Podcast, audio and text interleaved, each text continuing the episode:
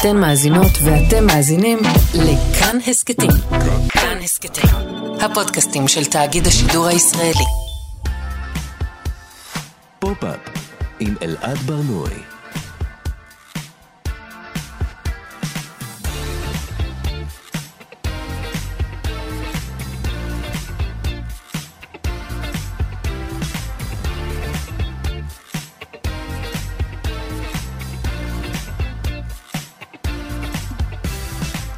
שלום, בוקר טוב, כאן תרבות, אתם על פופ-אפ. בכל שבוע אנחנו מדברים כאן על התרבות שמעניינת באמת. כל יום חמישי בשעה 10 ב-105.3 ו-104.9 FM ניתן להזין לנו גם כהסכת באתר של כאן, ביישומון של כאן וביישומוני המוזיקה וההסכתים השונים. איתי באולפן טל ניסן שמפיקה את התוכנית, טכנאי שידור דימה קרנצוב, אני אלעד בר-נוי, בואו נתחיל.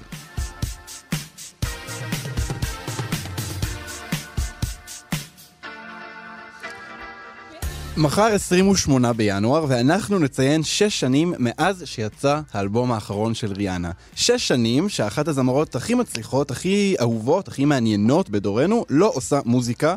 והיום אנחנו ננסה להבין, להסביר, לפצח את הדבר הזה. ריאנה משיקה ליין של איפור, היא מקימה אימפריה של הלבשה תחתונה, מגיחה מדי פעם על המסך, דופקת הופעה במט גאלה, עוצרת תצוגות אופנה, נדמה שהיא עושה הכל חוץ מלשחרר מוזיקה חדשה או להופיע. והיום אנחנו נצא מתוך שאלה, איזה משמעות יש לתרבות הפופ, שזה הנושא שאנחנו תמיד מדברים עליו כאן, אבל בלי מוזיקת פופ במרכז שלה. תהיה לנו תוכנית במבנה קצת שונה מהרגיל. אנחנו נתחיל בניסיון להבין למה ריאנה לא מוציאה אלבום חדש, ואיזה משמעות יש לזה שזמרים ממשיכים להיקרא זמרים אפילו שהם כבר לא ממש עושים מוזיקה חדשה. אנחנו נמשיך לשיחה על אלבומי מוזיקה, נשאל איזה משמעות יש להם היום, אם בכלל, למה אנחנו מצפים מאומנים לשחרר אלבומים, ואיזו השפעה יש על המוזיקה. אה, לדבר הזה, לזה שאנחנו לא מאזינים לאלבום מההתחלה עד הסוף כמעט בכלל. משם אנחנו נמשיך לדבר על מותגים ובכלל על אופנה בתרבות הפופ. השבוע הלך לעולמו מעצב האופנה טרי מוגלר. אה, האבל עליו באינטרנט מצד כוכבי פופ נתן איזה תזכורת על הנוכחות החזקה של אה, בתי אופנה יוקרתיים בתרבות פופולרית. באופן ספציפי, במוזיקת פופ, בהייפ-פופ, ננסה לשרטט קצת את הקשרים שבין אופנה עילית ובין מוזיקת פופ, ולהבין למה המוזיקאים הכי מרכזיים היום משחררים היום uh, יותר בגדים מאשר שירים חדשים, אבל בואו נחזור רגע לריאנה. אה, רובין ריאנה פנטי נולדה ב-1988 בברביידוס, באיים הקריביים. היא שרה כבר מאז שהייתה ילדה, בבית ספר יסודי הייתה חברה בכמה הרכיבים מוזיקליים, בגיל 14 היא הייתה צוערת ביחידת משנה צבאית בברבדוס. אה, מדריכת האימונים שלה הייתה הזמרת שונטל, שזה מאוד אקראי, הזמרת שונטל אה, מוכרת בזכות השיר Impossible, היא הייתה מדריכת האימונים שלה ביחידת המשנה הצבאית בברבדוס. אה, כשהייתה בת 15 היא כבר התחילה להקליט דמואים, קאברים, אחד הדמואים האלה הגיע לראפר ג'יי זי, שהחתים אותה בחברת התקליטים שלה, שלא, היא מעולם לא סיימה את לימודי התיכון, כבר התחילה את הקריירה המוזיקלית שלה. אלבום הבכורה שלה היה Music of the Sun, שיצא ב-2005, שזה אומר לפני 17 שנה. אה, הסינגל הראשון מתוכו היה Pon de Replay, בואו נשמע ממנו טעימה. You want to groove,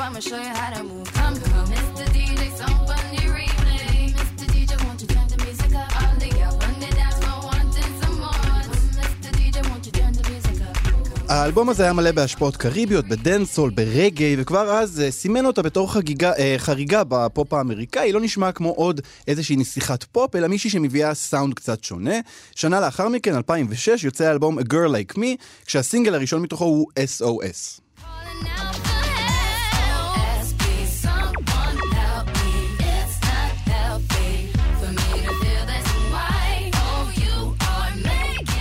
שני השירים האלה, אני, אני מתאר לעצמי שהם אה, מוכרים לכל מי ששומע אותם, אבל הפריצה הגדולה של ריאנה הגיעה ב-2007, כשהיא הוציאה את האלבום Good Girl Gone Bad, וסינגל הבכורה מתוכו היה שיר Umbrella עם ג'יי-זי.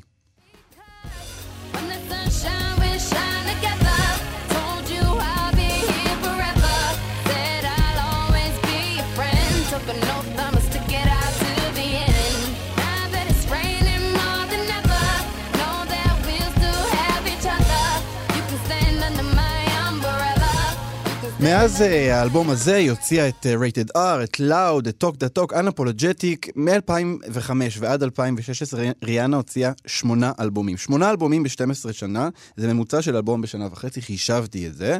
היא שיתפה פעולה עם קולפליי, עם קניה ווסט, עם אמינם, עם מלא אומנים אחרים. היא שברה שיאי האזנות והכנסות, היא הוזכרה באותה נשימה מבחינת הצלחה עם ראיה קרב ועם הביטלס. מגזין בילבורד הכריז עליה כאחד האומנים המצליחים ביותר של העשור הראשון של המאה ה-21. היא נכנסה גם לרשימות של טיים ושל פורבס בתור דמות, אה, אחת הדמויות המשפיעות היום.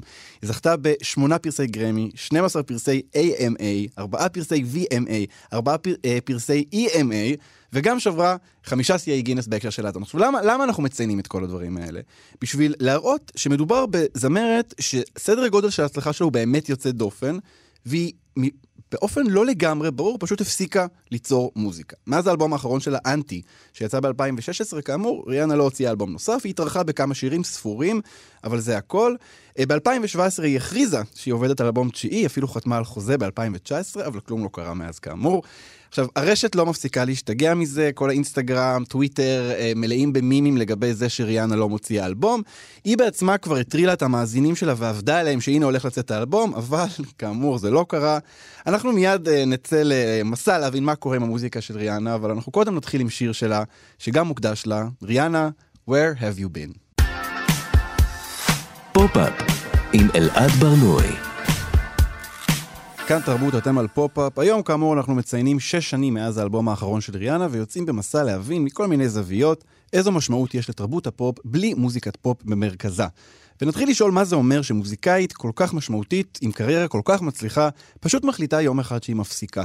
ואיתנו על הקו כדי לעזור לנו בעניין הזה, אביה פרחי מ-MTV ישראל. שלום אביה. שלום, מה קורה? אביה, למה ריאנה לא מוציאה מוזיקה חדשה? מה יש לה?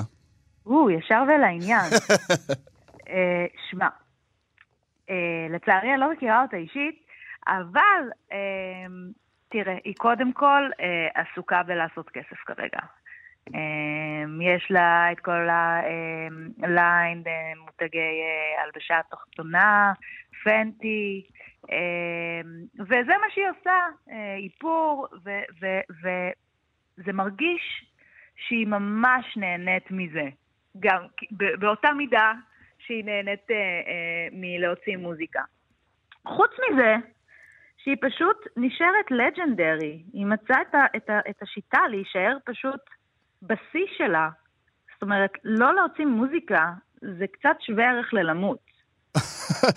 אה, אוקיי, אני מבין מה את אומרת. כלומר, אם, אם היא תוציא מוזיקה, זה, זה, זה ימשיך את הנוכחות האנושית שלה, לגמרי. ההפך מאלמותית, אני לא יודע איך אומרים את זה. בדיוק, לא, עדיף להישרף מאשר להתפוגג. אני מבין. גם תראה מה קורה לקייטי פרי. מה קורה לב...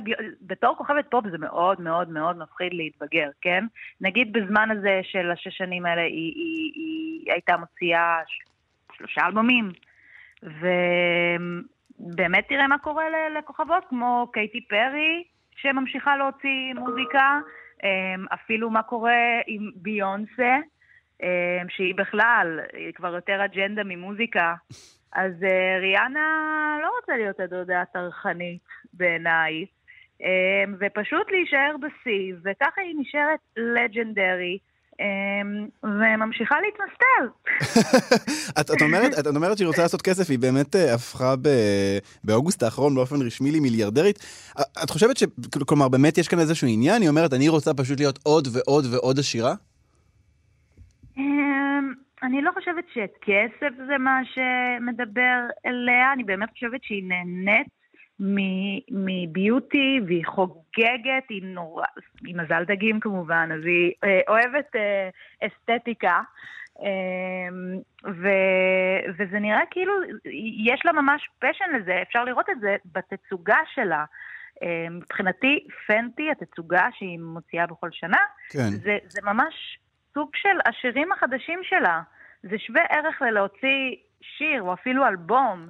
היא גם נותנת שם במה לכל בעצם הבנות שהיא רואה בהן כממשיכות דרכה, היא כאילו אומרת, אם הייתי עכשיו אה, משקיעה בלהוציא מוזיקה, זה מה שהייתי מציעה. כאילו, קחו תכירו, ובפנטי האחרון היא באמת נתנה במה לכל מיני uh, זמרות uh, um, בתחילת הדרך, אבל שכן אפשר להרגיש את ה-DNA אריאנה היא, כאילו ביה, uh, שהופיעה עם הולו לנמאני, וברי רנוויי, וכזה, זה, זה ממש מרגיש כאילו כל התצוגה הזאת היא, היא, היא, הרוח של ריאנה מרחפת מעליה, היא בחרה את כל הסאונדטרק, הייתה מעורבת בהכל, וזה ממש כזה... זה, זה כמו אוצרות כזו. לגמרי, לגמרי. יוצרת מדהימה, היא משלבת בין גבוה לנמוך, מביאה את השורשים ובסטה ריימס, והכל משתלב יחד ל... ל... למשהו שהוא באמת אה, מרגיש כמו, כן, אה, אומנות שיש מיש ולא יש מאין, אבל אה, עדיין. זה, זה מאוד מעניין, בעצם את, את אומרת uh, שהדברים שהיא עושה עכשיו זה מבחינתך שווה ערך ללהוציא אלבום, ומדברת על מה שהיא עושה כאומנות, כלומר מבחינתך היא לא בהפסקה, נכון? אלא היצירה שלה פשוט מקבלת צורה חדשה. לגמרי. עזוב, כל רעיון שלה היא יצירה חדשה. עכשיו הייתה, אה, יש איזה רעיון איתה, ששואלים אה, אותה אה, אם היא... אם היא, אם היא מרגישה לפעמים עצובה, והיא אומרת להם כזה, כן, אז הם כזה, ומה את עושה? ואז היא אומרת, fake it. זה נהיה באמת איזשהו אה, אה, מין סאונד סופר ויראלי בטיקטוק, ו... אבל ממש איזשהו statement של כל האנשים עכשיו מעלים את עצמם, או אומרים את זה, שזה גם קטע, זאת אומרת, האישיות שלה היא, היא גם מוזיקה, אתה מבין? את, את חושבת אבל שהיא עדיין, עדיין מוזיקאית בעינייך? כלומר, עדיין צריך להתייחס אליה כמוזיקאית? היא לא פשוט מין כוכבת רשת עכשיו? או אשת עסקים שיש לה מלא מותגים? Mm, לא. לא, לא, לא, עם מזל דגים. מזל דגים הזה, אני רואה, אני רואה שזה משמעותי פה ב... לא, אבל באמת, כאילו, אנחנו, אנחנו מדברים על המוזיקה שלה, אבל עבר המון זמן מאז שיצאה לה מוזיקה חדשה, אז, אז אני, אני תוהה עד כמה הדבר הזה יכול להמשיך בתור כאילו שהיא תימשך בתור אגדה, או שהיא תהפוך להיות כאילו איזה מין משהו לשעבר כזה. אמ, היא לדעתי תהפוך לאיזושהי אגדה. מה שכן, אני חושבת שאם הכוכבים יסתדרו, ווואי, אני יוצאת סופר, איזה רוח מיסטית, אה, דגים, ואם הכוכבים יסתדרו, אבל באמת זה קצת מרגיש אצלה שהיא פועלת מאוד מהבטן.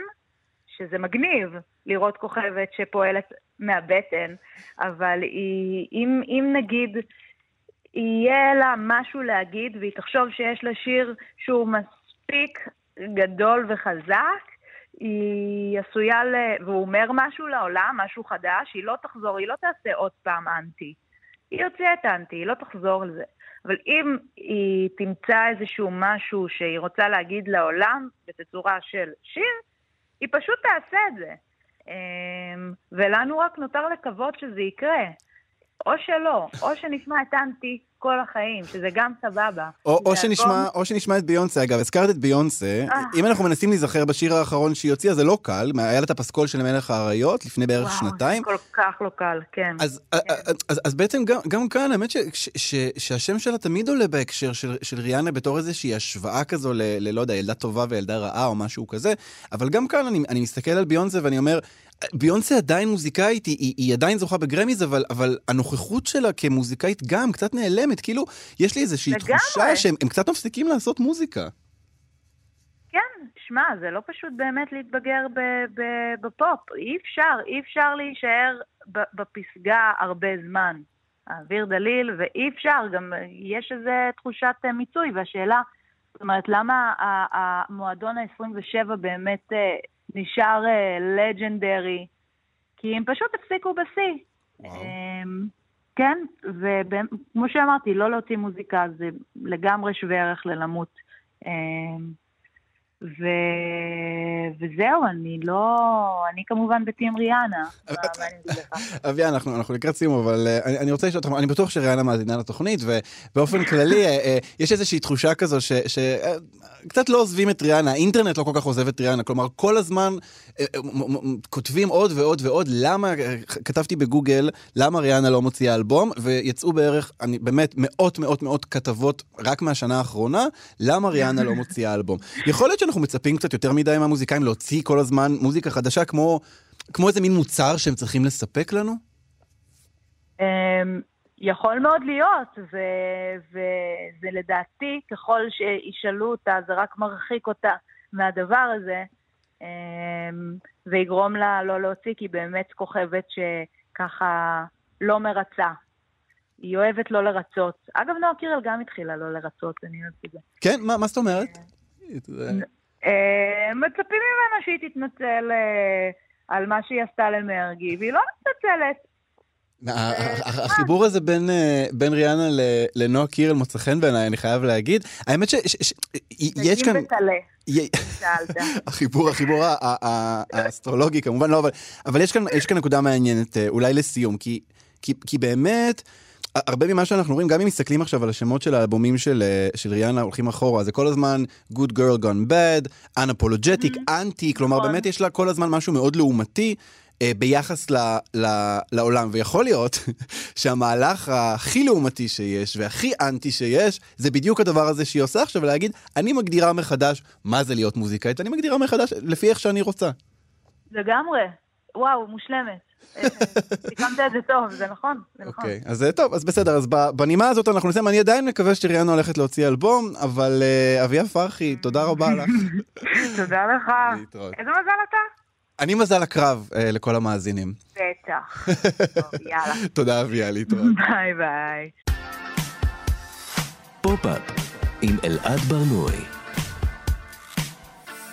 כאן תרבות, אתם על פופ-אפ, זה היה Man Down של ריאנה. טוב, אנחנו מדברים היום על אלבום של ריאנה, אלבום של ריאנה, אבל מה בכלל לנו ולאלבומים? מתי בפעם האחרונה הלכתם לחנות ורכשתם אלבום? יותר מזה, כמה יוצא לכם להאזין ב Spotify או ב Apple Music לאלבום מההתחלה ועד הסוף? איזו משמעות בכלל יש לאלבומים בשנת 2022? את כל השאלות האלה אנחנו הולכים להפנות עכשיו לדוקטור נדב אפל, שהוא חוקר מוזיקה פופולרית. שלום נדב. היי, בוקר טוב. בוקר טוב. נדב, אולי נתחיל מהיסטוריה אה, של הדבר הזה ש, שנקרא אלבום. מתי הקונספט הזה של אלבום בכלל מתחיל? Uh, במקור המושג של האלבום מתייחס לממש uh, אלבום פיזי שאיגד uh, מספר תקליטים עוד מהתקופה, מתחילת המאה ה-20, כשתקליטים לא יכלו להחזיק יותר משניים, שלוש דקות של מוזיקה על כל צד. Mm. אז האלבום היה ממש אלבום עם שישה, שבעה, שמונה תקליטים שיחדיו יצרו אה, נתנו לך באמת 40 דקות של מוזיקה 아, מאותו... ממש היה, היה מוצר כזה שכורך כמה תקליטים ביחד? אה, אוקיי, וואו. נכון, ולכן זה נקרא אלבום. אוקיי, הגיוני. ולמעשה, רק ב-1948, באמצע המאה ה-20, מגיעה הטכנולוגיה של התקליט עריך הנגן, ה-LP, זה בעצם תקליט המודרני, שיכול להחזיק אה, חצי שעה אה, של מוזיקה בכל צד בערך. ואז משם באמת מתחיל הרעיון של אה, למכור תקליטים שמכילים חצי שעה של מוזיקה. בלי הפסקה. אה, בהתחלה זה משהו שאנחנו רואים שנעשה בו שימוש בעיקר להקלטות של מוזיקה קלאסית, של אה, קטעי ג'אז עם אלתורים ארוכים, דברים מהסוג הזה. למעשה, רק באמצע שנות ה-60 אנחנו רואים שמתחיל להופיע הקונספט של אלבומים של מוזיקה פופולרית, כלומר יוצרי פופ ורוק שעד אז נחשב אה, לתחום שבו מוכרים סינגלים, שירים בודדים, פתאום מתחילים דווקא להתמקד ביצירה של אוספי שירים שלמים, אה, לפעמים ממש עם איזשהו קונספט מאחוריהם, ממש עם, עם איזשהו היגיון גם שמגדיר מה פותח, אה, מה, מה הסדר של השירים, מה מסיים, ממש הרעיון של, ש, שהיצירה ש... אנשים כמו הביטלס או בוב דילן או Rolling Stones שיוצרים באמצע שנות ה-60, פתאום זה כבר לא השיר הבודד, זה האלבום, זה הרצף של השירים עם המשמעות השלמה שנוצרת מהאזנה מההתחלה ועד הסוף. זהו, זה, זה, זה, זה, זה, זו נקודה מעניינת, כי, כי אה, בהתחלה באמת התייחס, התייחסת לזה בתור אה, אוסף שירים, אבל נכון. מעניין רגע לחשוב... מתי, או, או מי היו האמנים הראשונים שהבינו שלא מדובר רק ב... במוצר אה, שהם מספקים לאנשים ב, מבחינת אורך וכמות, ועל כן נכנסים פה עשרה שירים, אוקיי, בואו נכניס את העשרה שירים האלה והאלה, אלא ממש אה, לרצף ההאזנה. יש, יש איזה אלבום שאנחנו יכולים אולי לסמן ככזה, כאיזה רגע שבו פתאום אנחנו מתייחסים ל, ל, לחוויית ההאזנה הרצופה? אה, כן, יש, יש כמה רגעים, יהיו שיגידו שכבר ב-52, in The We Small Hours of the Morning של פרנק סינטרה, mm. היה האלבום הראשון שהיה בו איזשהו אה, רצף האזנה ממש מתוכנן ובעל אמירה, אבל בגדול, בדרך כלל רק התקופה של שנות ה-60, 65, 66 נחשבת לשנה הגדולה של האלבומים, עם ריבולבר של הביטלס, mm. Pet Sounds של הביץ' בויז, Blonde on Blonde של בוב דילן, אלבום כפול, כן, כבר יוצא פתאום, אלבום אחד לא הספיק לו. הוא מוציא אלבום כפול, זו גם בדיוק השנה שבה בנוסף לקונספט הנקודתי של האלבום, בכלל פתאום מתפוצץ הרעיון הזה של מוזיקת רוק בתור מוזיקה בעלת יומרות אומנותיות, רציניות, בעלות אמירה, עם אה, מסרים. והאלבום הוא חלק מהמהלך הזה, הוא חלק נקודתי ממהלך שלם אה, רחב יותר. כלומר, עד אז היה כזה מין אה, מופע ספורדי של שיר פה ושם, אבל כשאומן בא ויש לו איזושהי אמירה כבדה, אז גם האלבום מייצג את זה מבחינת המשקל וההיקף. נכון, עד אז האלבום נחשב למשהו קצת משני, לסתם אוסף קצת אקראי של שירים של אותו אומן. נגיד הביטלס במדינות שונות, האלבומים שלהם כללו שירים שונים. חשבו סתם מה ימכור בכל מדינה. הרעיון שהאלבום הוא לא סתם אוסף, אלא באמת אמירה שלמה שצריך להבין לה מההתחלה ועד הסוף, בסדר המוקפד שהאומן חשב עליו, ורק ככה באמת נוצרת האמירה השלמה, זו מוסכמה שמתגבשת רק במחצית השנייה של שנות ה-60. ואנחנו מדברים עכשיו על אלבומים באורך של uh, פחות או יותר חצי שעה, נכון? זה, זה, זה היה היכולת... 40 הטכנול... דקות. 40 כן. דקות. ובעצם, אה, לא יודע, בשנות ה-80 כבר, אה, נכון. מתי התחלנו לראות את הדיסקים? זה בשנות ה-80? נכון, כן. דיסקים נכנסים לשימוש ממש בתחילת שנות ה-80. הם מסוגלים להכיל אה, אה, קרוב ל-80 דקות של מוזיקה, והם גם מביאים איתם את הרעיון של אלבומים שהם בעצם הוצאות מחודשות. כלומר, לראשונה דברים שכבר יצרו על תקליטים, פתאום יוצאים שוב על דיסקים, אבל יש יותר מקום, פתאום דוחפים גם שירי בונוס, mm. פתאום יש כל מיני הוצאות חגיגיות, כן? כי צריך לשכנע אנשים שכבר היה להם את התקליט, לקנות מחדש את הדיסק. כן, אז, אז, אז מדברים על הקלטה מחודשת, נכון, וגיסה דה-לוקס וכל זה. בדיוק, עם דמוים והופעות חיות, והאלבום הופך לאירוע גם הרבה יותר גדול, שהוא כבר אירוע לפעמים ממש אוצרותי. של הקריירה של האומן וקטעים נדירים, ודוחסים יותר ויותר לתוך הדיסק, שבו בזמן יש פה גם איזשהו מאבק של כל הקונספט של האלבום נגד יריב חדש שמופיע לו באותה תקופה, שזה MTV. Mm. כן, כלומר, אם עד אז אנשים בבית רצו לשמוע מוזיקה, זה או אלבום או רדיו, פתאום יש פיתוי חדש, לפתוח טלוויזיה ולראות MTV. לכן האלבום נאלץ להיות יותר גדול, יותר מרשים, יותר שירים, לתת פייט לטיפוס החדש הזה בשכונה, וזה באמת תקופה שהאלבומים מאוד ארוכים, האלבומים משנות ה-80 וה-90, הרבה פעמים גם עם, עם קטעי בונוס סודיים, אני לא יודע אם אתה עוד זוכר את זה. ה B-sides, בטח, כן. לא, לפעמים צריך לחכות 20, אה, 20 אה, דקות בסוף האלבום, כן. ופתאום יש עוד קטע. כן, כמה, כמה מהשירים הכי יפים בעולם אה, יצאו ככה. נכון, כן. לאלניס מוריסט יש כזה. כן, זה היה מאוד נפוץ בשנות ה-90 בעיקר. כן. אז אוקיי, אז אנחנו בעצם, אנחנו מדברים על שנות ה-90, או אפילו שנות ה-2000 המוקדמות, פחות או יותר אותו דבר אנחנו יודעים. בואו רגע נזנק קדימה לשנת 2022. אנחנו מדברים ואני חושב לעצמי, עד כמה כל המאזינים שלנו בכלל מבינים על מה אנחנו מדברים כשאנחנו אומרים אלבומים ודיסקים, אם זה לא היסטוריה עתיקה, כי היום המוזיקה שאנחנו צורכים, רוב רובם של האנשים, אני חושב, היא ב... בסטרימינג. נכון. נכון, היום הסטרימינג הוא שיטת ההאזנה הדומיננטית, והסטרימינג כבר מביא איתו היגיון שונה של ההאזנה. היגיון שקודם כל באמת הוא לא מוגבל אה, בכלל ל-40 דקות של התקליט או ל-80 דקות של הדיסק, יכול להיות גם אה, האזנות במשך אה, 3-4 שעות, שלשם כך כבר, כבר הפורמט של האלבום פחות רלוונטי. הפורמטים של הפלייליסטים, כן, שבעצם ערוכים אה, בין אם על ידי, אה, באופן רשמי, על ידי ספוטיפיי, על ידי השירותים האלה, או לפעמים על ידי המשתמשים עצמם, שעורכים לעצמם סתם שירים שהם אוהבים, כן. בלי להיות מחויבים לסמכות הזו של האומן שסידר כך וכך. זה, הטכנולוגיה מעודדת יותר את סוג השימוש הזה, ודוחקת את ההאזנה הרציפה לאלבום, זה משהו יותר שולי, שהרבה פעמים הוא נתפס כקצת מיושן, פחות נוח, יש באמצע שיר שאני לא אוהב, למה שאני סתם אשמע אותו? כן, פעם לא היה מנוס, עכשיו אתה פשוט מוריד אותו מהפלייליסט. אז, אז, אז למה.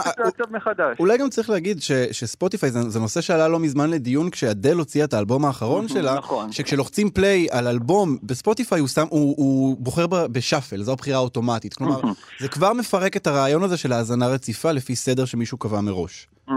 נכון, ובאמת אדל היא דמות מעניינת פה, כי לא רק מבחינת הקונספט של האלבום, מבחינות רבות, אדל מנסה מאוד לשמר איזושהי תפיסה של יצירת אה, אה, אה, מוזיקת פופ ורוק מהמאה ה-20, שכנראה בימינו כבר פחות רווחת, ובין היתר זה מתבטא גם באמת עדיין אצלה במרכזיות של האירוע הזה של האלבום, ברעיון שזו אמירה שלמה, ומתוך כך באמת היא גם נכנסה למאבק עם ספוטיפיי, שאצלהם דווקא ברירת מחדל זה להאזין ב shuffle, לפרק את הסדר שנקבע מראש, ואצלה עדיין הרעיון שהאמירה של האלבום בסדר הספציפי שלה, זה חלק מה, ממה שהיא רוצה לומר, עדיין מספיק משמעותי, ולה עצמה גם יש מספיק כוח, כי האומנית הכי נמכרת בעולם כמעט, כן. אה, בשביל לכופף את הידיים של ספוטיפיי בנקודה הזו. אבל ספוטיפיי ודאי, האינטרס שלהם הוא בין היתר להחליש את הסמכות של האומנים, של חברות התקליטים, של מי שקובע של האלבומים, ולחזק את היכולת שלהם, או,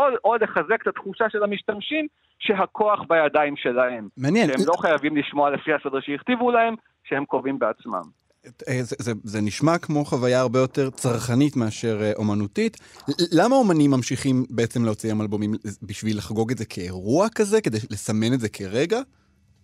אה, אני חושב, יש לזה מספר סיבות. יש גם קודם כל באמת את הסיבה המסחרית, פרסומית, מיתוגית, זה אירוע, אפשר לעשות רעש, יש יחסי ציבור, עושים עליך כתבות בתקשורת, כן? זה חלק מיחסי ציבור של האומן. לצד זה, יש פה גם באמת הממד, כפי שאמרנו, ההופעה של האלבום כמוסכמה באמצע שנות ה-60 הייתה חלק ממהלך גדול, רחב יותר, של שינוי ביחס אל המוזיקה הפופולרית כתחום אמנות רציני יותר, שדורש באמת האזנה ממוקדת, מרוכזת, והקונספט של האלבום הוא חלק מזה. אומנים שעד היום מקפידים על הרעיון של האלבום בתור היצירה שלהם, בין היתר אומנים שרוצים באמת להדגיש את הממד הזה של יש לי פה אמירה רצינית, יש לי פה אמירה שדורשת עכשיו תשבו ותאזינו לה בשקט במשך שעה, זה לא שיר של שלוש דקות, זו אמירה שלמה, והאלבום, גם אם הוא עדיין לא, גם אם בימינו הוא ודאי לא מובן מאליו כפי שהוא היה, הוא עדיין הפורמט שנותר הכי מזוהה עם האמירה המוזיקלית הרצינית. כן. כלומר, להגיד, הוצאתי אלבום, בין- היתר דרך לומר, יצרתי פה משהו רציני. זה לא עוד שיר, זה אלבום. יש עוד משהו במה ש, שאמרת שבאמת תופס אותי, זה, זה, יש את האמירה ולצד זה יש את העניין של השליטה. זה, זה דבר ש, שהוא בעיניי, אה, הוא מאוד מעניין, כי בכלל המחשבה הזו על זה שיש איזשהו, איזה שהם רצונות מתחרים. כן, יש את המתווכים בדרך, שזה ספוטיפיי וכל החברות שגוזרות אה, קופונים, אבל יש את הרצון של האומן ויש את הרצון של, ה, של המאזין סלש צרכן. אה, ו- וזה ממש נראה כמו קרב ענקים כזה בין, בין ה- המוזיקה כ- כאומנות או המוזיקה כ- כצרכנות, ו- וזה מוביל אותי לשאלה האחרונה, אמ, בעצם איזה השפעה אנחנו יכולים לראות על המוזיקה עצמה, כלומר על השירים עצמם, בזה שהשיטה משתנה באופן כל כך דרסטי. כלומר, Mm. יכול להיות שהיום כל שיר אמור לעמוד בפני עצמו יותר מאי פעם, כי, כי הוא כבר לא יכול להסתמך על האחים שלו מאלבום? שאלה טובה. קודם כל, אני חושב שממד נוסף של ההתנגשות שתיארת פה, זה גם התנגשות בין התפיסה היותר רומנטית ומסורתית של האומן כאיזושהי דמות שאנחנו אה, מעריצים, אולי מבטלים את הרצון שלנו בפניו ובאמת מאזינים עכשיו ליצירה שלו כפי שהוא רצה, גם אם לנו זה לא הכי נוח, לבין אולי איזשהו הלך רוח יותר אה, אה, שוויוני, פופוליסטי, של מי זה שהוא יגיד לי מה, מה, מה, מה לשמוע, למה שהוא יקבע עבורי?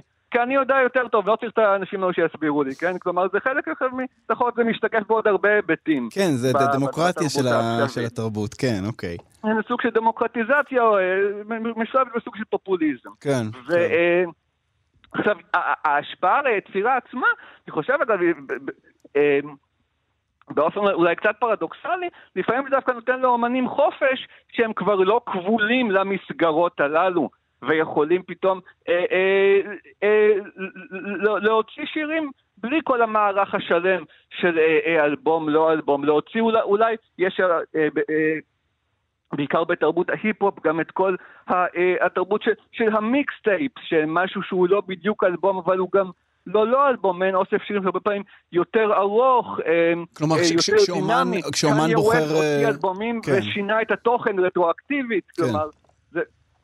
זה מעניק מע- מע- מע- מעניק הרבה, אה, הרבה חופש וגמישות גם לאומנים מהבחינה הזו. לא הייתי אומר שיש איזשהו דגש גדול יותר דווקא על שירים, כי בסופו של דבר דגש על שירים, גם בשיא עידן האלבומים, שנות ה-60-70, דגש על שירים תמיד היה. בסופו של דבר השיר פופ של 3-4 דקות, זה מה שיכול להפוך אנשים לכוכבים, הרבה פעמים בלי קשר לאלבומים. אז זה לא, אני, אני לא חושב שהשתנה מהותית המרכזיות של הפורמט של, הש, של, של שיר הפופ. מעניין מאוד. אוקיי, טוב, זה, זה אה, מעורר הרבה מחשבה לגבי כל, אה, כל רגע של האזנה בספוטיפיי, מה, מה בדיוק קורה, איזה כוחות משפיעים על הבחירה שלנו של השיר הבא, אה, וגם, וגם מה, מה הולך להיות בהמשך עם הדבר הזה, לאן זה עוד הולך להגיע.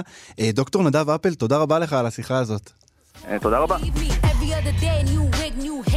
Come take me mood glare. I be waiting on you with some lingerie, drop this pussy down low like bombs, away boom. Nothing but a robe in your house. I wanna put these pretty pink toes in your mouth. Send news to your phone while you working. Boy, you gotta see this shit in person, believe me. We can't just be talking about it. I want to come inside it. We can't just be cautious about it.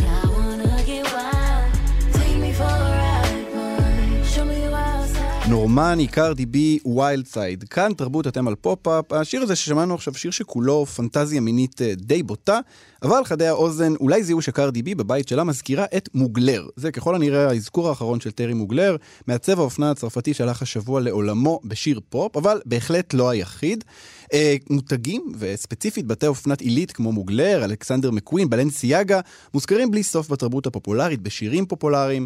אה, גם מעצב האופנה וירג'ל אבלו שעמד בראש לואי ויטון, הלך לעולמו בנובמבר האחרון, וגם הוא במידה רבה סימן את התפר הזה שבין אופנה אה, ואי-פופ. עכשיו, אה, הזכרנו את ריאנה אה, מקודם, ובדומה לה גם למשל קניה ווסט, מי שעוקב אחריו ברשתות החברתיות, בטח שם לב שהוא מוזכר יותר אה, בהקשר של אופנה מאשר בהקשר של מוזיקה. המותג של איזי לא מפסיק להוציא מוצרים, נעליים, סוואצ'רים, אה, וגם מסיבות ההאזנה לאלבום האחרון שלו קיבלו חסות אה, מטעם בית האופנה בלנסיאגה. ואיתנו כדי להבין את התפר הלא לגמרי מובן הזה בין אופנה ופופ, עיתונאי האופנה וחוקר התרבות סער שלו. שלום סער. בוקר טוב. סער, בוא, בוא נתחיל ממוגלר, מטרי מוגלר. מה, מה הפך אותו לכזה אייקון, לכזה דמות שאנשים גם מחוץ לעולמות האופנה מכירים לפחות את השם? תראה, טרי מוגלר אה, בעצם אה, אף פעם לא היה רק מעצב אופנה ליודעי חן. הוא תמיד היה מי ששילב בה, גם בתצוגות אופנה שלו וגם בכלל בעבודה שלו כמעצב, במאי וכולי. אה, אה, הוא שילב אה, כוכבי פופ, הוא שילב טרנסג'נדרים, הוא, הוא ביים לג'ורג' מייקל וידאו קליפים. כלומר, הוא תמיד היה מלהטט בין, בין הסטודיו שלו, בטח בפריז, לבין פופ, לתרבות הפופ, והעובדה שהעיצובים שלו היו תמיד חלק כזה מחיי היומיום של כאילו אנשים בעולם, התרבותיים של אנשים בעולם. אה, כוכבי פופ, אה, טרנסג'נדרים, כמו שאמרתי, אה, סופר מודל, זה תמיד היה כזה, לא רק מין יצור עוד קוטור שלידי אלא תמיד משהו הרבה יותר גדול ורחב. זה, אה, אתה מזכיר את, ה, את העניין הלהט"בי, גם ג'ורג' מייקל, גם היה אה, אה, טרנסיות ו, וטרנסים ש, שדגמנו לו. אפשר גם לדבר על ההשפעה שלו על דרג. מי שצופה במרוץ לדרג של רופול בטח יודע שזה אחד השמות שמוזכרים הכי הרבה שם, כי המון מהתלבושות שלו הפכו עם השנים, נכון. קיבלו גרסאות דרג כאלה. נכון, נכון. אה, אה, אתה יודע, עוד פעם, אה, אנחנו היום ב-2022, וזה נראה כמעט אה, ברור מאליו, אבל אה, בשנות ה-80 וה-90, כשעל אה, על מסלולי התצוגה אה, צעדו בדרך כלל אה, נשים אה, לבנות דקיקות, אה, לה- להציג אה, באמת אה, טרנסג'נדרים ואנשים אה, אה, מ- אה, בעצם מקהילת הלהט"בים, אה, זה היה באמת משהו אה, מפתיע, אה, בטח אה, מלא אומץ ו- ומאוד אה, פורץ דרך, כאמור. אתה יודע, אה, שמענו עכשיו את, אה, את אה, נורמני וקרדי בי מזכירות את, ה, את השם שלו בשיר. עכשיו, מדובר בשיר פה, בסוף מי שמאזינים לו זה קהל מאוד מאוד רחב, בדרך כלל אנשים צעירים, והן פתאום מזכירות את, ה, את השם הזה, מוגלר. עכשיו, כמו שהן מזכירות את מוגלר, אה, בהרבה שירים אחרים מוזכרים, אה, בדרך כלל זה מותגים מאוד מאוד יקרים. אה, אמרתי מקודם, בלנסיאגה זה, זה, זה שם שמוזכר הרבה. עכשיו, יש כאן חיבור קצת משונה בעיניי בין אה, מוזיקה שהיא מאוד מאוד פופולרית, היא לקהל מאוד מאוד רחב, הרבה פעמים קהל צעיר, ואופנת עילית. כלומר, אופנה שהיא באמת מאוד מאוד מאוד יקרה.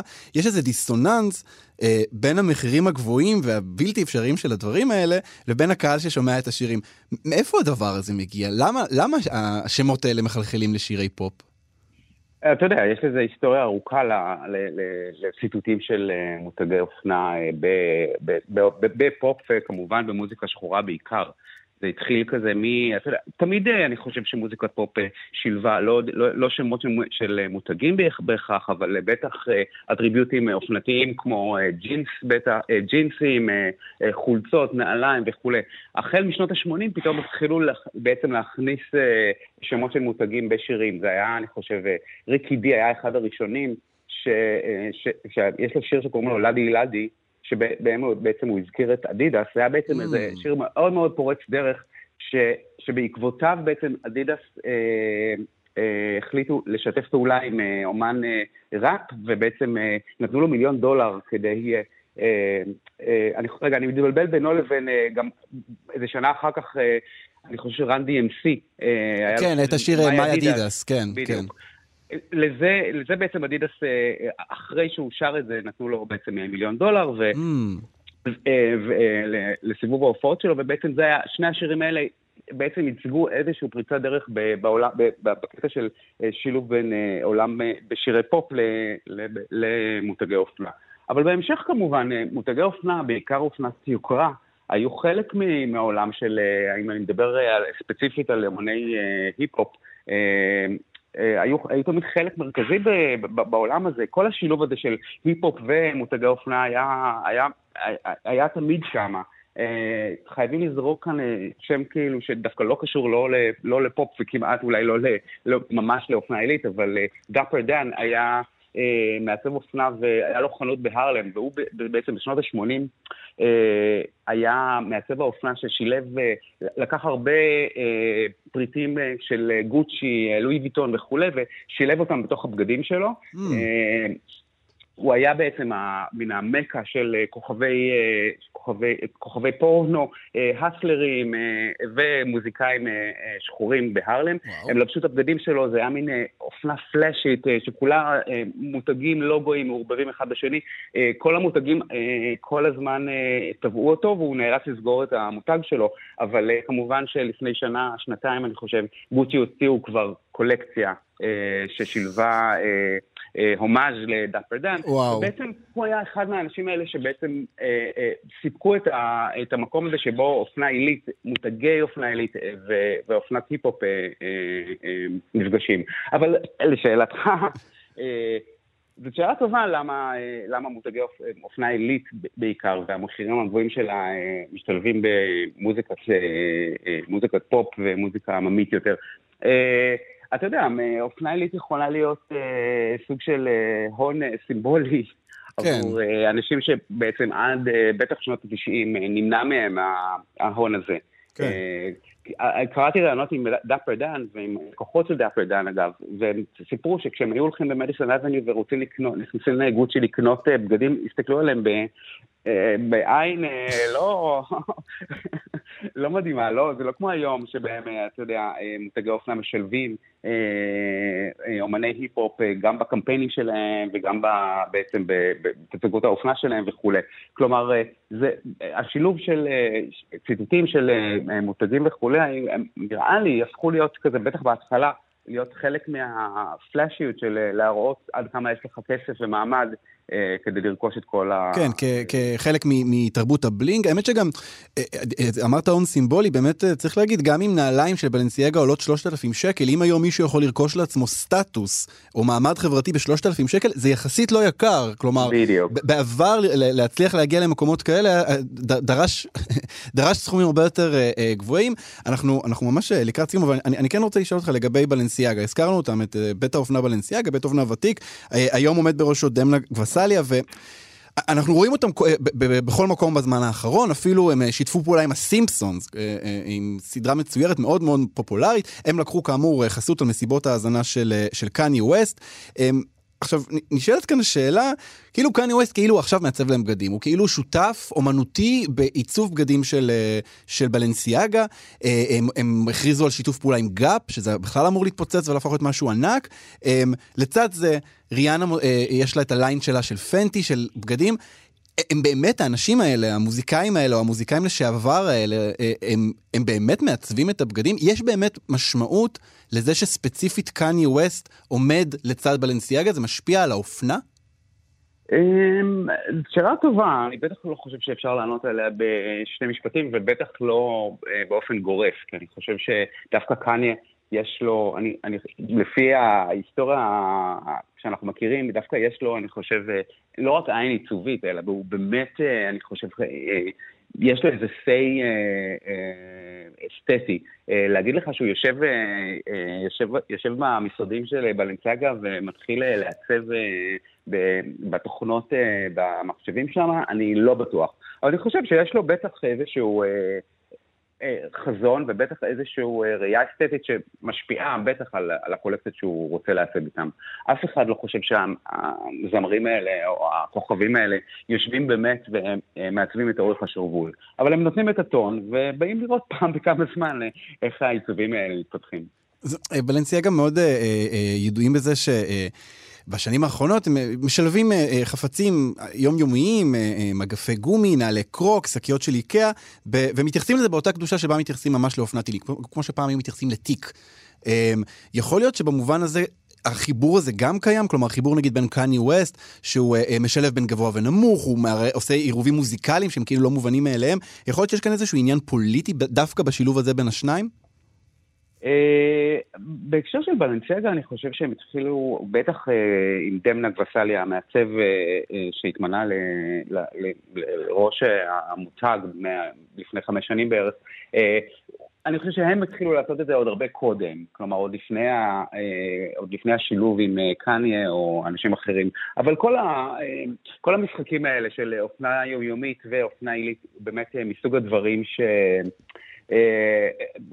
אה, בטח בעשור האחרון אה, התחילו להיות אה, הרבה יותר מדוברים, ואולי באמת השילוב של מוזיקאים וכוכבים אחרים במקומות שהיו פעם עוד קוטור ומאוד אקסקלוסיביים, הם באמת מסוג הדברים שהיום יש הרבה יותר אפשרויות משחק איתם, ו, ו, ובאמת כל המושגים שאנחנו מכירים, כמו גבוה נמוך, יומיומי, אה, יוקרתי וכולי, אה, בטח מטשטשים. כן. טוב, מעניין מאוד לראות את הדבר הזה, את, ה, את התפר הזה שבין אה, אה, אה, אופנה ו, ופופ. אני מניח שזה עוד נושא שאנחנו נחזור אליו כאן אה, הרבה. סער שלו, תודה רבה לך. תודה לך. וזהו, אנחנו הגענו לסוף התוכנית, פופ-אפ אה, בכאן תרבות. את כל השירים מכל התוכניות אפשר למצוא בפלייליסט מתעדכן, חפשו בספוטיפיי פופ-אפ. תודה לטל ניסן על ההפקה, תודה לטכנאי השידור דימה קרנצוב, אני אלעד ברנוי, נסיים עם, איך לא, ריאנה, Love on the Brain, מתוך אלבומה האחרון, אנטי. ריאנה, אל תהיי אנטי, תוציאי איזה שיר, תוציאי איזה אלבום, בחייאת, להתראות. אתן מאזינות ואתם מאזינים לכאן הסכתים. כאן הסכתים, הפודקאסטים של תאגיד השידור הישראלי.